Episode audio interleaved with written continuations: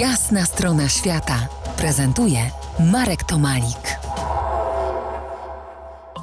Gościem jasnej strony świata polska doktor Doolittle Gosia Zdziechowska, autorka książki Moi dzicy przyjaciele. Tym razem obdarzona przyjaźnią jest osierocona zebra, którą opiekowałaś się w RPA. To w ogóle jest jedna z takich najbardziej łapiących mnie za serce historii chyba, dlatego że Kicker został tak nazwany, bo on kopał i on no raczej nie lubił ludzi, nie zaprzyjaźniał się tak łatwo. To było w tym samym czasie, co opiekowałam się Deni. To była kilkutygodniowa zebra, no i zebra ta, tak jak wspomniałam, no raczej nie pałała miłością do ludzi, tylko do niektórych. I na początku przyszedł Kiker do mnie, ja się tak ucieszyłam, że przyszedł do mnie, ale uszy tak położył po sobie, więc tak podejrzewałam, że chyba jednak może nie powinnam go głaskać, może nie jest za bardzo szczęśliwy.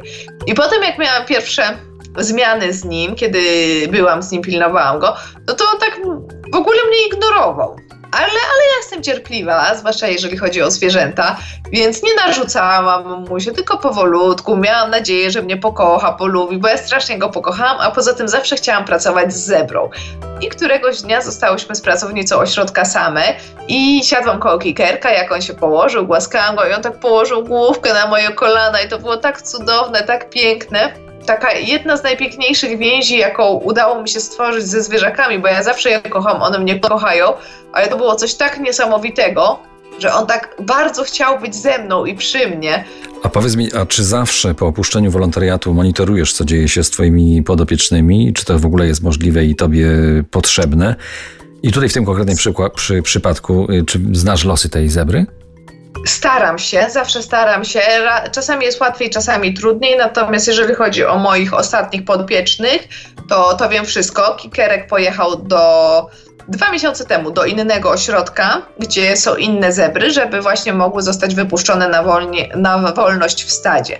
Y, dwa lata temu w Brazylii opiekowałam się mrówkojadami wielkimi, y, dwoma osieroconymi i też właścicielka ośrodka do mnie pisze i jedna z pracownic, z którą się zaprzyjaźniłam i też mi wysyłają zdjęcia i cały czas nazywają mnie mamą. To jest najpiękniejsze, że jak gdyby ja, ja zostałam mamą na zawsze i, i, i, cały czas mi piszą, że a, twoje dzieci mają się dobrze, już są teraz duże. One zostały wypuszczone, ale na terenie ośrodka. Czyli nie żyją w klatce, tylko właśnie po terenie ośrodka poruszają się swobodnie.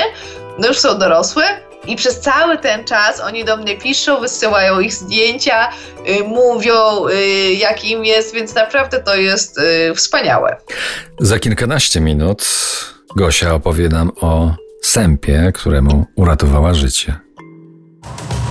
To jest jasna strona świata w RMS Classic.